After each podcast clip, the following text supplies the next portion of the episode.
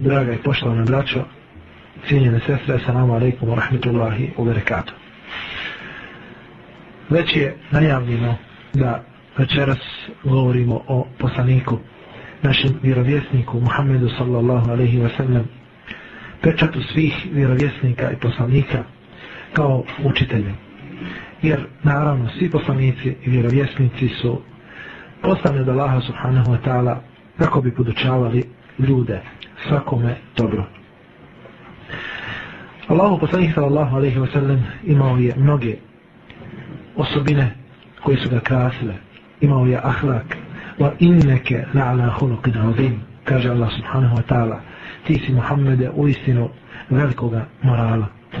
To je ponašanje je na nivou. Allahu poslanih sallallahu alaihi wa sallam je nazvan muallimom onim koji podučava. Nema sumnje da je zadatak vjerovjesnika da podučava ljude, da podučava ovaj umet vjeri, da ukazuje ljudima na dobro.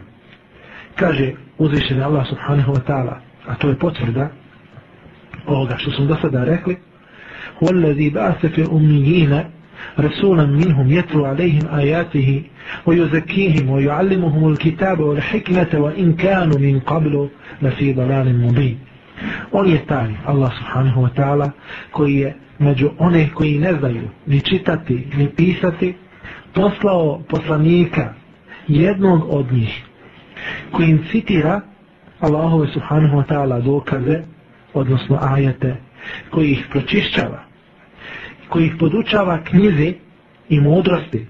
Wa in kanu min qablu la fi dalalin mubin. Iako su oni prije bili u jasnoj zabludi. Isto tako Allah subhanahu wa ta'ala kaže Kema arsalna fikum rasulam minkum yatlu alaikum ajatina wa yuzakikum wa yuallimukum ul kitaba wal hikmata wa yuallimukum ma lam takunu ta'lamun Kao što smo među vas poslali poslanika koji je od vas, to jeste on je jedan od vas, on je jedan od tog naroda kojim je poslan poslanik, alaihi salatu wasalam. On vama citira naše dokaze, on vas pročišćava, on vas podučava, on vas znači educira. Allahu subhanahu wa ta'ala knjizi i mudrosti u ja'allimukum ma'lem tekunu ta'lemun i on vas podučava onome što vi niste prijednali. Allahu poslanik sallallahu alaihi wa sallam je jednog dana izašao među svoje ashabe. Pa je našao kako oni uče Kur'an. Kako se međusobno podučavaju Kur'anu.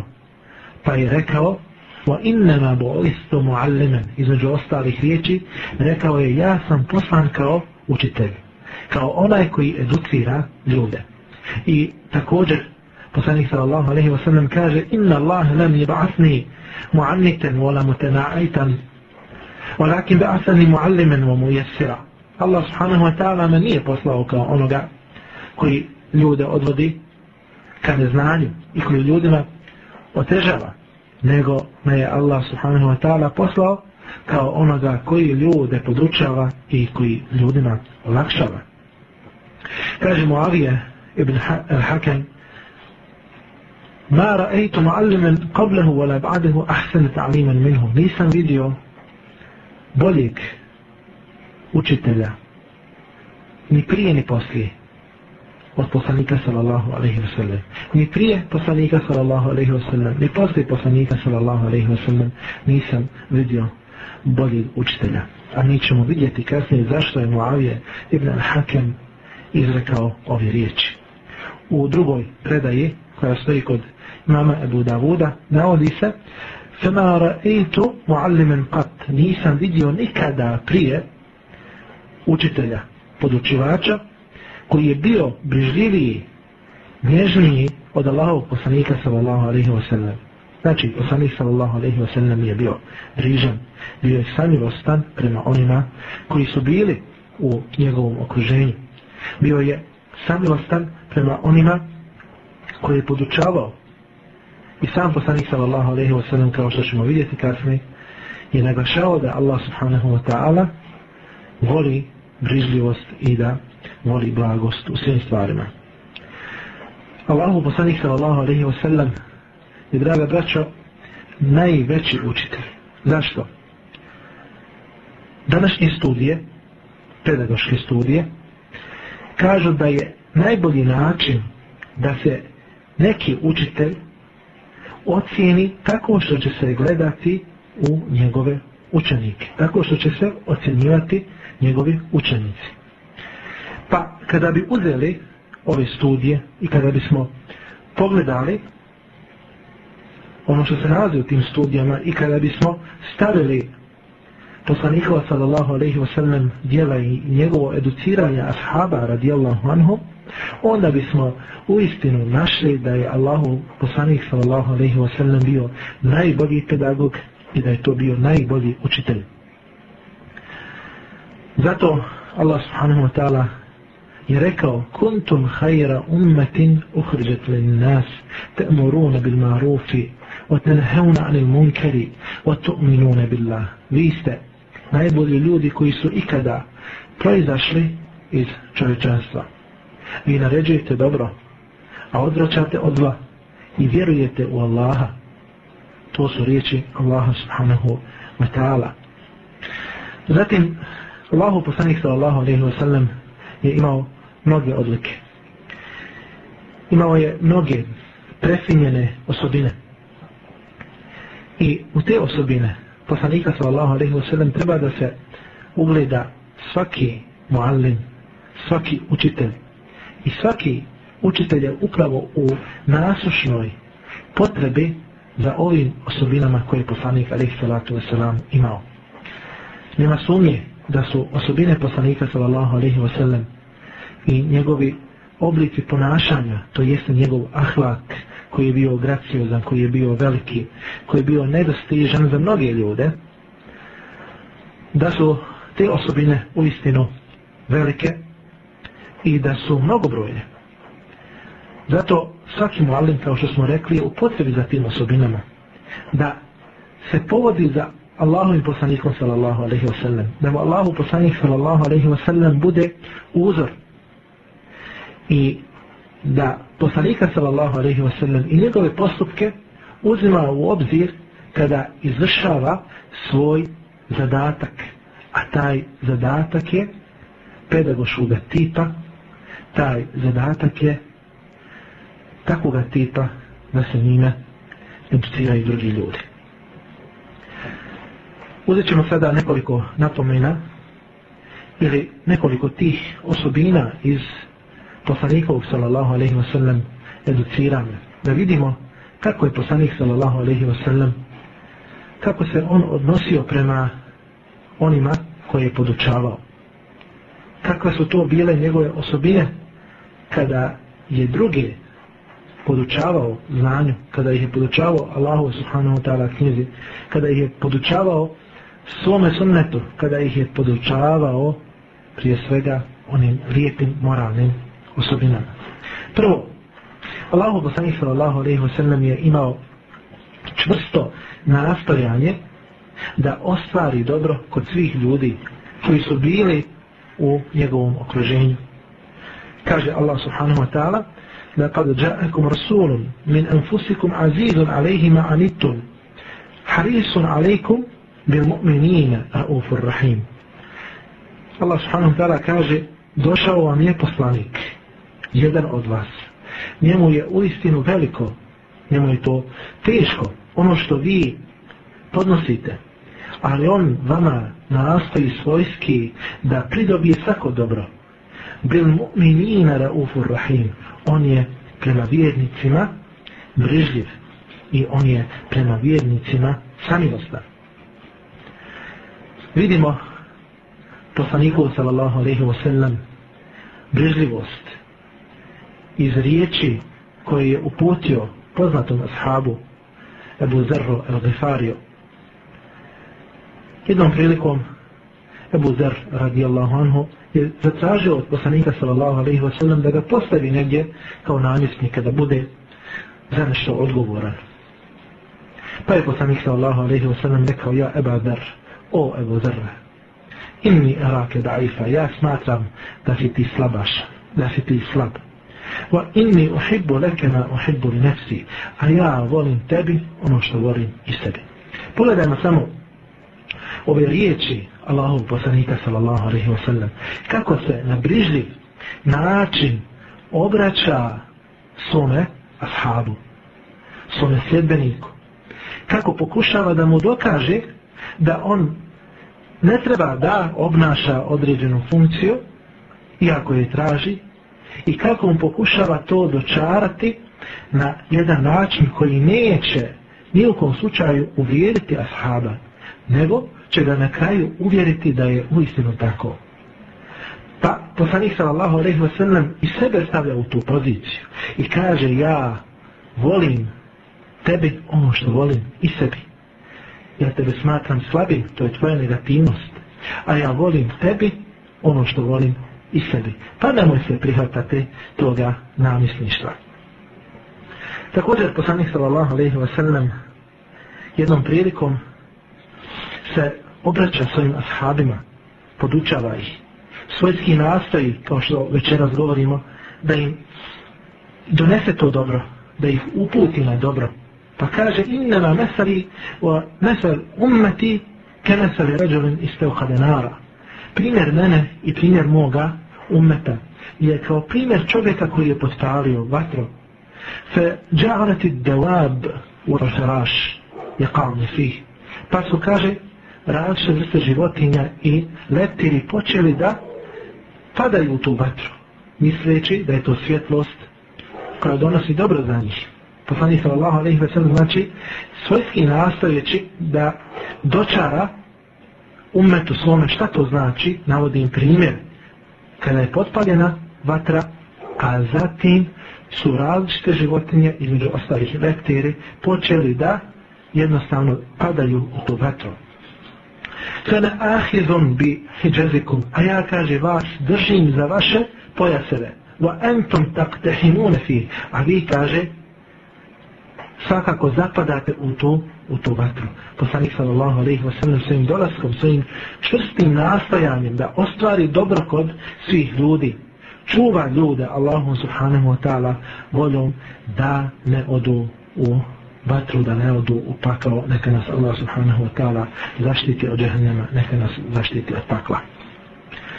Zatim, Allahu poslanih sallallahu alaihi wa sallam je imao rifq, tu brižnost, samilost, lutf, a lutf je također jedna vrsta te brižnosti, brižljivosti, samilosti kada je druge ljude upućivao. Znači, to je on radio na blag način, kada bi ljude upočivao, radio bi to blago.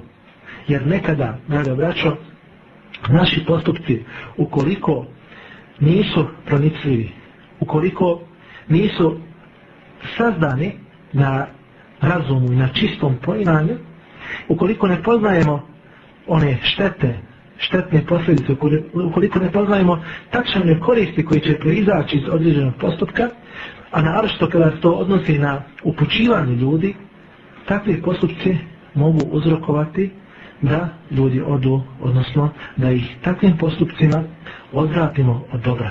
Iako su možda dio dobra kod sebe imali, naš postupak može uzrokovati da nestane cjelokupnoga dobra. Zato je šehr Islam ibn Taymiye, rahimahullahu ta'ala, rekao da onaj koji poziva ljude mora vagati između koristi i da mora vagati između štete. Nikada čovjek ne smije dozvoliti da primijeni veću štetu ili veće zlo, a da ostavi ono manje zlo. Ili ne smije dozvoliti da primijeni manje dobro, da ostavi ono veće dobro. Kaže poslanih sallallahu alaihi wa sallam, Inna Allahe rafiqun yuhibbu rifqa fil amri kulli. Allah subhanahu wa ta'ala je samilostan, brižljiv i voli i brižljivost, tu blagost u svakoj stvari. U predaju od imama muslima se navodi Inna rifqa la yakunu fi shay'in illa zana. La yunza min shay'in illa shana. Neće se naći ta blagost i brižljivost u jednoj stvari, a da neće ukrasiti tu stvar.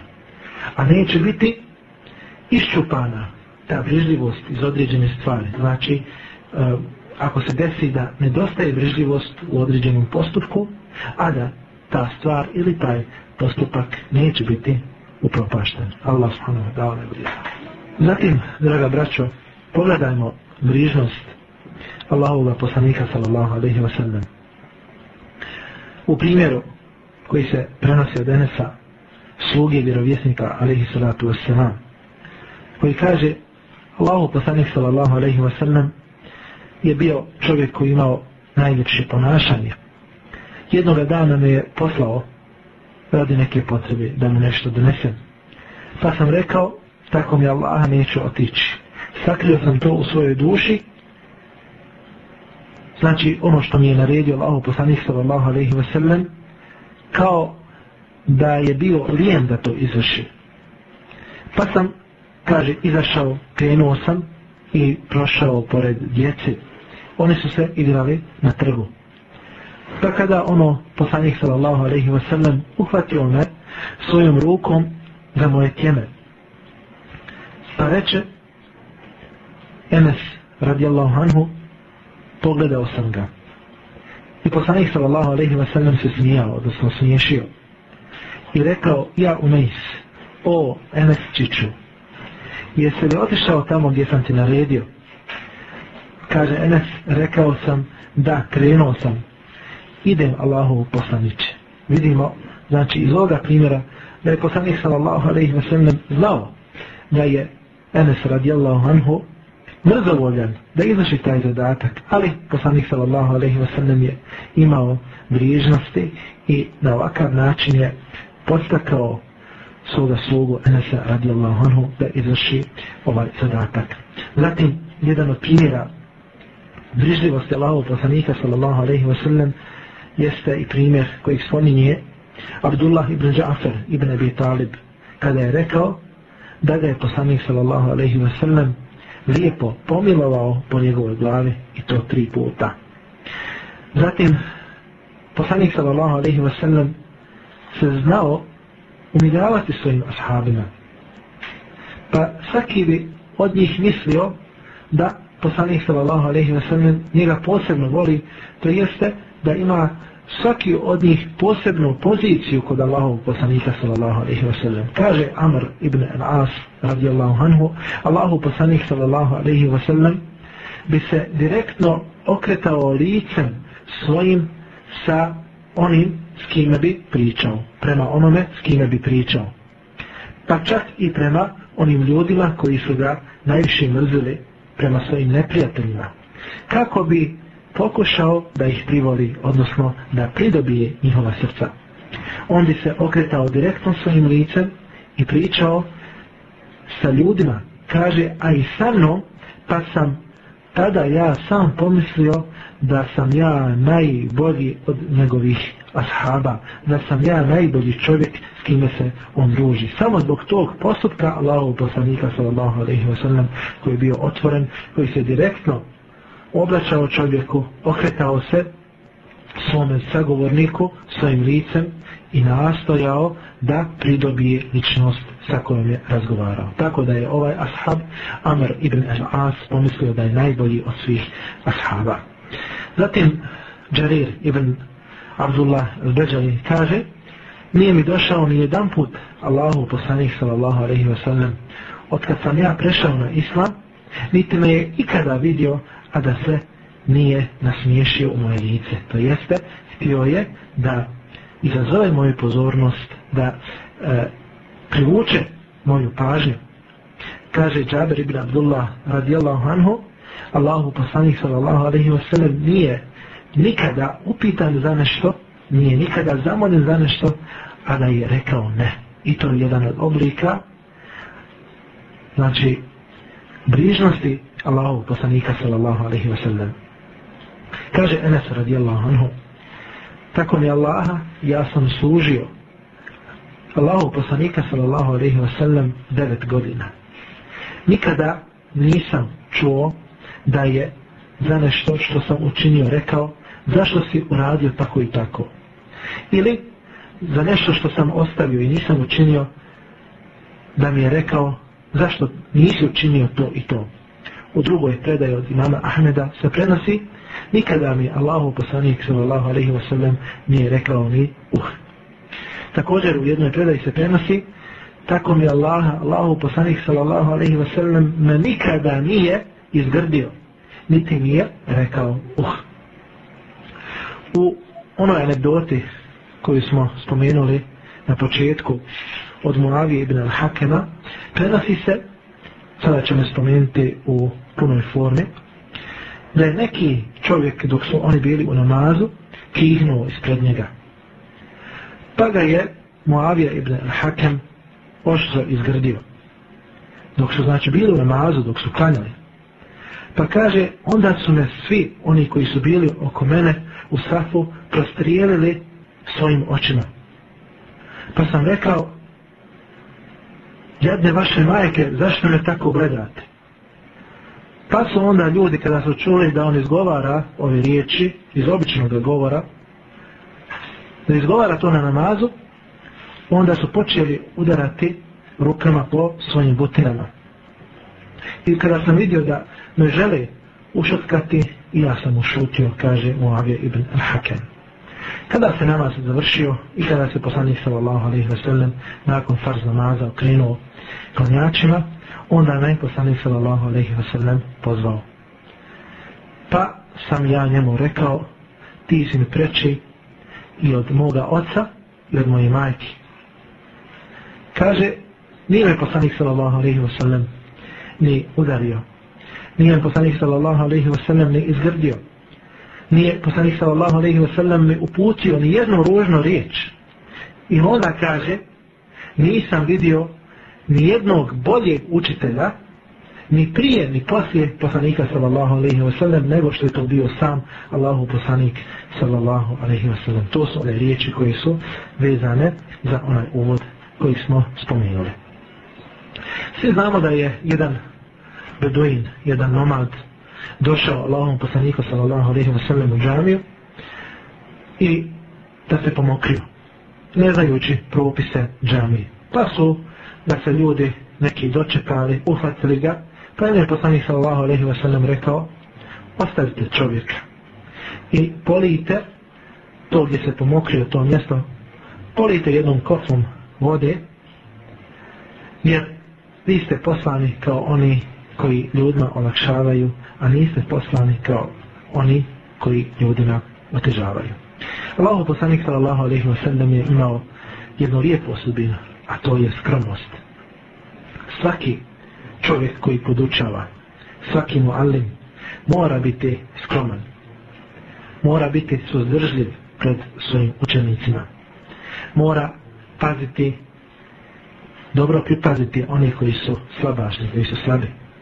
Mora im posvetiti više pažnje. Mora im bolje prokomentarsati, objasniti o čemu se radi ukoliko ne shvataju ono čemu se poličavaju. Kaže Ebu Rufa radijallahu anhu otišao sam Allahom poslaniku sallallahu alaihi wa sallam a on je držao hutbu. Pa sam onda rekao dok je držao hutbu, dok je držao govor Allahu poslanić neki čovjek stranac je došao i pita za svoju vjeru. Ne zna šta je to vjera. Pa kaže, onda mi je prišao Allahu poslanik sallallahu alaihi wa sallam i ostavio je svoj govor. Znači, prestao je sa hutbom. Dok meni nije došao. Pa mu je donesena jedna stolica koja je imala kaže kako mi se čini uh, ovaj prenoslas, kaže kako mi se čini imala je železne noge. Pa je onda Allahu poslanik sallallahu alejhi ve sellem sjeo na tu stolicu وجعل يعلمني مما علمه الله i onda me počeo podučavati onome čemu ga je Allah subhanahu wa ta'ala podučio summe eta hutbetahu a onda je nastavio svoju hutbu i onda je završio do kraja znači Allah poslanik sallallahu alaihi wa sallam je pazio na one ljude koji su slabašni nije ih ignorisao kao što su mnogi slabašni ljudi ignorisane u našem današnjem društvu.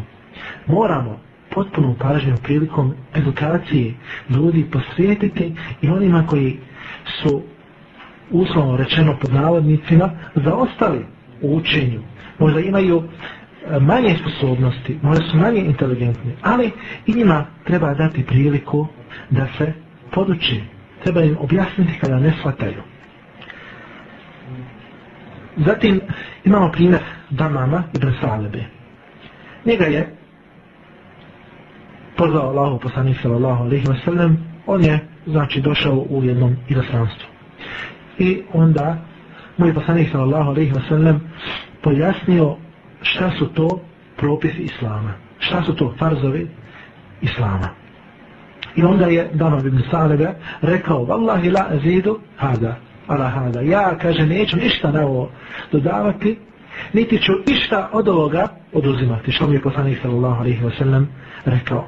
Pa Allahu poslanik sallallahu alaihi wa sallam kada je dana ibn Sa'alibe otišao, rekao, esleha ne sadaqa. On je, kaže, uspio ako je istinu rekao.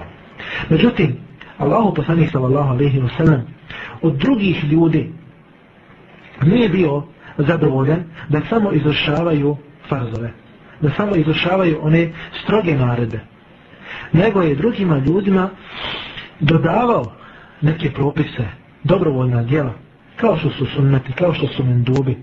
Kaže Ubade ibn Samit radijallahu anhu, dali smo prisegu Allahomu poslaniku sallallahu alaihi wa sallam, ar sema'i wa ta'ati fil manšeti wal nekra. Da ćemo biti pokorni i da ćemo biti poslušni i kada smo dragovoljni i kada smo mrzovoljni i onim olakšavajućim okolnostima i onim otežavajućim okolnostima wa alla nunazi'a al amra ahlihi da ne pokušavamo od drugih preuzeti vlast ukoliko je ta vlast naravno ispravna wa an naquma أو أن نقول بالحق حيثما كنا لا نخاف في الله لوم تلائي إذا إزوشعنا إستنو إلى درغو إبتدأي da govorimo istinu i da se ne bojimo radi Allaha subhanahu wa ta'ala ničije predike, ničije kritike. Znači da govorimo istinu gdje god mi bili i da se ne bojimo ničije kritike samo u ime Allaha subhanahu wa ta'ala. Zatim, Allahu poslanik sallallahu alaihi wa sallam imao je običaj da odgovara na pitanja za koja mu je bilo jasno da mnogi oni koji su se educirali kod njega nisu ispravno shvatili to pitanje ili da je to bilo nekih pomankanja u shvatanju određenog pitanja. Zatim bi poslanik sallallahu alaihi wa sallam na to pitanje odgovarao, odnosno bolje ga pojašnjavao. Zatim možemo navesti primjer. Neki čovjek je upitao Allahu poslanika sallallahu alaihi wa sallam rekavši Allahu poslaniče inna nerkebu bahr. Kaže mi plovimo morem i imamo sa sobom malo vode. Pa ako uzmemo abdest i budemo stalno uzimali tom vodom abdest, onda ćemo biti naravno žedni hoćemo li uzimati abdest iz mora, to jeste morskom vodom. Pa kaže Allahu poslanik sallallahu alejhi ve sellem, morska voda je čista i čisteća. I ono što je mrtvo iz mora, ono je halal za jesti. Znači, govorimo o skromnosti vjerovjesnika alejhi salatu ve selam kada je rekao da je voda mora čista i čisteća i da je halal ono što je mrtvo, znači halal je za jesti. Vidimo iz riječi poslanika sallallahu alaihi wa sallam da je mrtvo halal iz mora, da je poslanik sallallahu alaihi wa sallam ovdje znači dodao određeno pojašnjenje, iako nije o njemu bio upitan. Međutim, on je bio upitan u propisu uzimanja abdesta morskom vodom. Pa je poslanik sallallahu alaihi wa sallam dodao dodatno objašnjenje, jer onaj koji ne zna ovaj propis da se abdest može uzeti morskom vodom, naravno da ne zna i da je preče da ne zna da je dozvoljeno jesti iz mora ono što je mrtvo. Isto tako, jedan čovjek ga je upitao šta treba da izbjegava prilikom obavljanja hađa to jeste šta muhrim ne smije da oblači čovjeku i hranima dok je, pa je rekao, neće oblačiti košulju, neće oblačiti turban, neće oblačiti duge gaće, neće oblačiti odjeću koja je namirisana različitim vrstima mirisa kao što je veres ili šafran za aferan, pa ako bude našao neku obuću neka je i obuče. Ako ne bude, onda ako nađe kakve papuče, neka ih odsjeće do ispod nožnih članaka. Znači vidimo e, poslanika sallallahu alaihi wasallam kako je upitan o znači samom ihramu, načinu oblačenja, pa je poslanik sallallahu alaihi wasallam to e, objasnio znači malo u dužoj formi. Zatim Imamo primjer poslanika sallallahu alaihi wa sallam kada on preventivno govori ashabima o određenim stvarima kako ashabi u budućnosti ne bi zapali u kakvu nedoumicu odnosno sumnju. Jednoga dana je rekao jeti šeitanu ehadekum šeitan dođe, priđe jednom od vas pa kaže men haleka keda, men haleka keda ko je ovo stvorio, ko je ovo stvorio pita čovjeka hatta je kule men haleka pravdati. Pa onda na kraju iskoristi čovjeka pa ga pita a ko je stvorio tvoje gospodara kojeg obožavaš.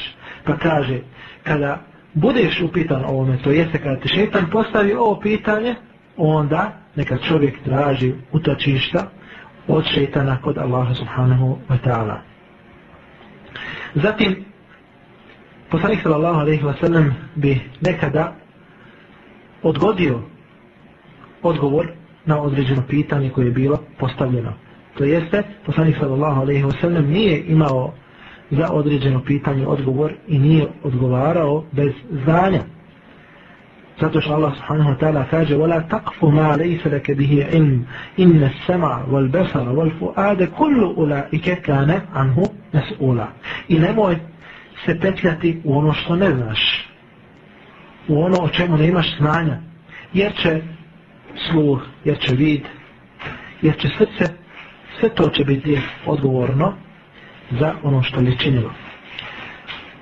Džaber ibn Abdullah al-Bajali radijallahu anhu je upitao jednog dana Allahu poslanika sallallahu alaihi wa sallam rekao še Allahu poslaniće šta da radim sa svojim imetkom kako da raspodijelim svoj imetak pa poslanik sallallahu alaihi wa sallam mu nije dao odgovora sve dok nije objavljen ajet koji govori o nasljedstvu. Neki čovjek je došao vjerovjesniku alaihi salatu wasalam i rekao Allaho poslaniće koja su područja najgora. Pa je poslanik sallallahu alaihi wasalam rekao la edri, ne znam. Sve dok ne upitam svoj gospodara.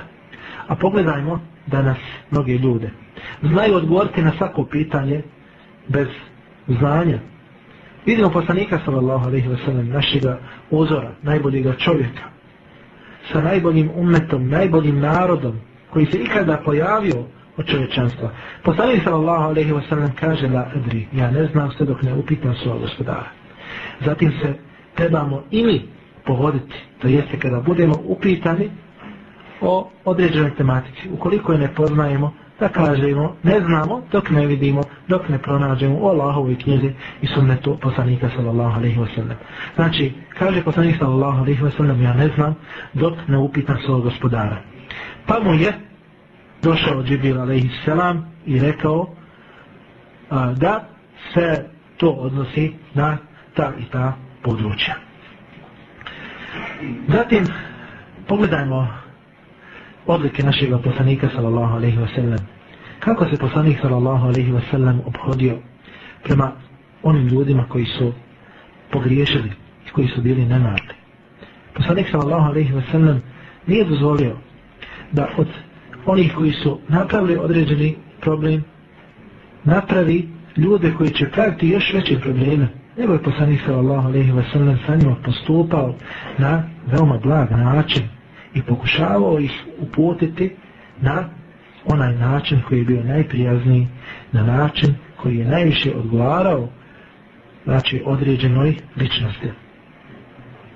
Znači, ljudi su takvi da kod sebe imaju nemara, da kod sebe imaju grešaka, da imaju neznanja. I to se često može naći kod našeg potomstva, kod naše djece, kod onih koje podučavamo. Svi se pitamo kako je to vjerovjesnik sallallahu alaihi wa sallam postupao sa takvim ljudima koji su griješili.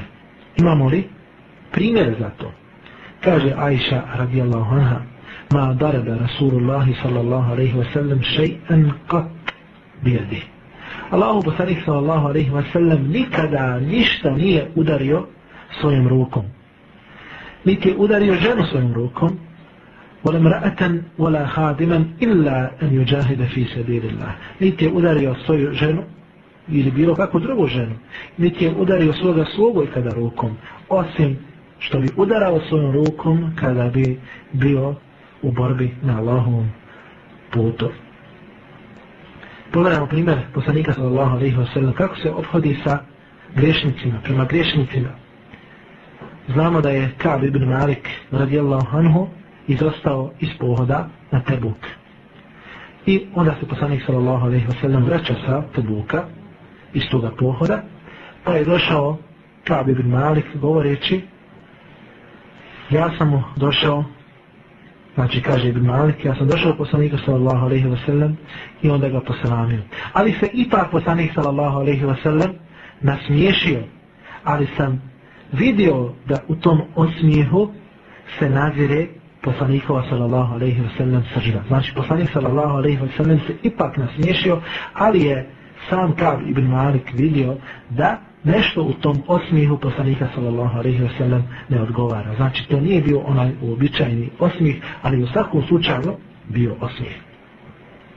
Isto tako, navili smo taj primjer, dok su ljudi bili u džami, došao je neki beduin i onda se pomokrio u džami pa su ashabi Allahu poslanika sallallahu alaihi wa sallam ga uhvatili pa je poslanik sallallahu alaihi wa sallam rekao ostavite tog čovjeka i oni su ga pustili dok se on nije pomokrio znači pustili su prema naredbi poslanika sallallahu alaihi wa sallam ovog čovjeka da dovrši taj posao koji je već krenuo raditi a zatim poslanik sallallahu alaihi wa sallam se obraća tome čovjeku poziva ga i kaže mu kaže tom čovjeku, znaj da su džamije takve, da u njima nije dozvoljeno unositi prljaštinu, nije dozvoljeno da se mokri u džamiji.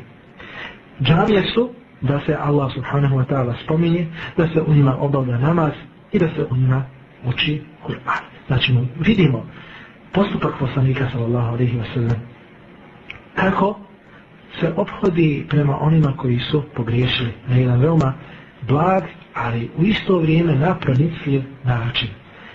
Na način koji ne izaziva još veće štete. Veća bi šteta bilo da je ovaj čovjek otišao bez islama. Nego poslanik sallallahu alaihi wa sallam je znao da će iz toga izaći veća korist.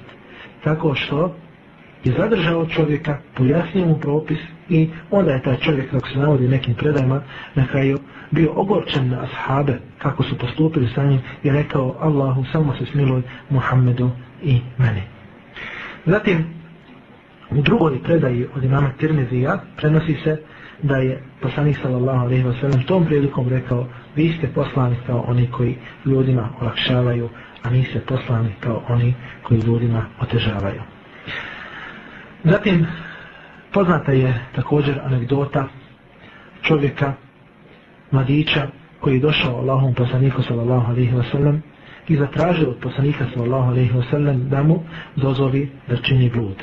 Pa je poslanik sallallahu alaihi wasallam ga prekorio i rekao ashabima približite toga čovjeka pa je čovjek prišao, sjeo i onda poslanik sallallahu alaihi wasallam mu postavlja pronislivo, logičko pitanje. E to hibbo, e to hibbo voli umnik. Da li voliš blud za svoju majku? Pa je ovaj odgovorio, ne tako mi Allah.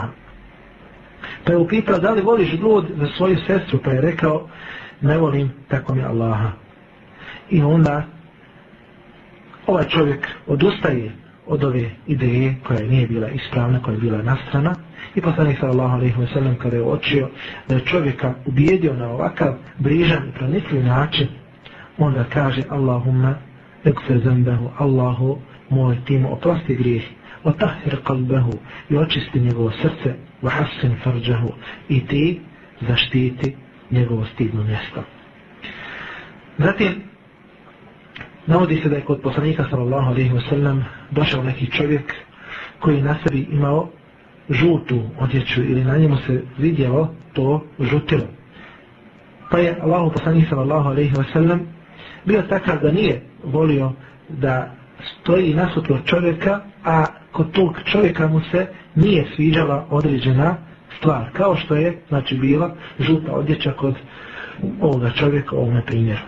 Pa se poslanik sallallahu alaihi wa sallam okrenuo svojim ashabima i na fin prijazan način rekao recite one čovjeku neka promijeni ovo žutilo. Znači poslanik sallallahu alaihi wa sallam nije direktno izgrdio čovjeka. Nije mu uputio ružne riječi. Želio da se prema njemu obhodi na najljepši način. Pa je u ovom slučaju i to jedna od metoda. Ako želimo da izmijenimo zlo kod nekoga čovjeka koji znači u očima, ne moramo mi direktno reći čovjeku, to se nalazi kod tebe, možda to bude razlog da čovjek odustane da ode, da odbimo čovjeka od istine, nego da e, pokušamo to čovjeku dostaviti preko drugih ljudi.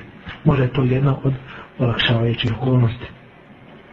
Zatim, imao sam primjer onoga čovjeka koji je progovorio namazu. Poslanik sallallahu alaihi wa sallam je bio od onih koji su potvrdili da je dozvoljeno nekada udaranje koristiti prilikom preodgajanja. Kao što se prenosi u jednoj anegdoti od Ebu Bekra radijallahu anhu sa njegovim slugom. Međutim, šta se desilo? Taj sluga je izgubio jednu životinju i onda jer je Ebu Bekr radijallahu anhu počeo udarati. Pa se Allahu poslanih sallallahu alaihi wa sallam nasmijao i rekao gledajte šta radi ovaj čovjek. Gledajte šta radi ovaj čovjek. Znači poslanih sallallahu alaihi wa sallam želi da ispravi grešku Ebu Bekra radijallahu anhu i kaže u riječima gledajte šta radi ovaj čovjek to jeste želi da ga odvrati od ovakvoga djela. Neka se Allah subhanahu wa ta ta'ala sveli je Ebu Bekru radijallahu anhu najboljim čovjeku poslije poslanika sallallahu alaihi wa sallam. Allahu poslanik sallallahu alaihi wa sallam je imao još jednu osobinu. On je pretekao sve ostale ljude i e, sve ostale metode koje se možda i danas e, pokušavaju koristiti. Mnogi pedagozi danas govore da imaju određene metode koje su oni izumili. Međutim, kada pogledamo suštino i srž poslanikov sallallahu alaihi wa sallam metoda, vidjet ćemo da poslanik sallallahu alaihi wa sallam davno koristio te metode i da je on sve pretekao u tim metodama. Jedna od tih metoda je bila da je poslanik sallallahu alaihi wa sallam često navodio primjere. Pa se navodi da je poslanik sallallahu alaihi wa sallam često vjernika ili vjernike uspoređivao sa drvetom, odnosno sa stablom palme. Da je, na primjer, društvo uspoređivao sa lađom, da bi lošega druga uspoređivao sa onim kovačem koji puše u kovački njih i tako dalje. Poslanih sallahu alaihi wa sallam je nastojao svojim pitanjima nekada da privuče, da izazove pažnju onih koji su ga slušali. Često je poslanih sallahu alaihi wa sallam govorio, ete drune, znate li vi pa bi na primjer rekao, ete bilo na mene muflis, znate li vi ko je bankrotirao? Pa su ashabi pokušali da odgovore ili bi rekli, Allah, Allahu poslanih sa Allahu, ali sve najbolje znaju. Nekada je upitao, ete druna nam gribet, znate li vi šta je to? Gribet, ogovaranje. Nekada je upitao, ete druna, eju jeumin hada, znate li vi koji je ovo dan i tako dalje. Poslanih sa Allahu, ali nastoji privući pažnju, tako što spominje određenu informaciju, ali ne spominje uvod te informacije, odnosno ne spominje detaljne podatke koji su vezani za e, tu obavijest, odnosno informaciju. Zato imam našla primjera, evo jednog primjera. Poslanik sallallahu alaihi wa sallam kaže Ragme enfu, ragme enfu, ragme enfu. Neka je ponižen, neka je ponižen. Pa onda, kada je privukao pažnju ashaba, onda neko mora da kaže Ako Allahu poslaniče. Pa onda poslanik sallallahu alejhi ve sellem nakon što je privukao pažnju i nakon što slušalci jedva očekuju da čuju ko je to ponižen, poslanik sallallahu alejhi ve sellem kaže na primjer: "Men adraka abawayhi inda al-kibr ahadihima aw kilayhima falam yadkhul al-jannah." Onaj koji to čeka starost jednog ili oba roditelja pa tim povodom služenja roditeljima ne uđe u džennet. Na primjer, isto se navodi za poslanika sallallahu alaihi wa sallam, da je jedan put prošla dženaza pored njega. Pa su onda ljudi počeli da hvale čovjeka koji je umro, odnosno koji je bio ponesen. Pa onda poslanik sallallahu alaihi wa sallam kaže, vađebet, vađebet, obaveza je obaveza. To je palo kao obaveza. Zatim, nije davao dodatno pojašnjenje, nego prolazi druga dženaza, pa onda ljudi je spominju pološen toga čovjeka, koji je ponesen tu dženazi, spomeni u pološinu. Pa poslanik sallallahu alaihi wa sallam opet kaže veđebet, veđebet. Obaveza je obaveza. To je palo kao obaveza. Pa je Omer radijallahu anhu onda prišao poslanik sallallahu alaihi wa sallam govoreći ti si preči i od moga oca i od moje majke.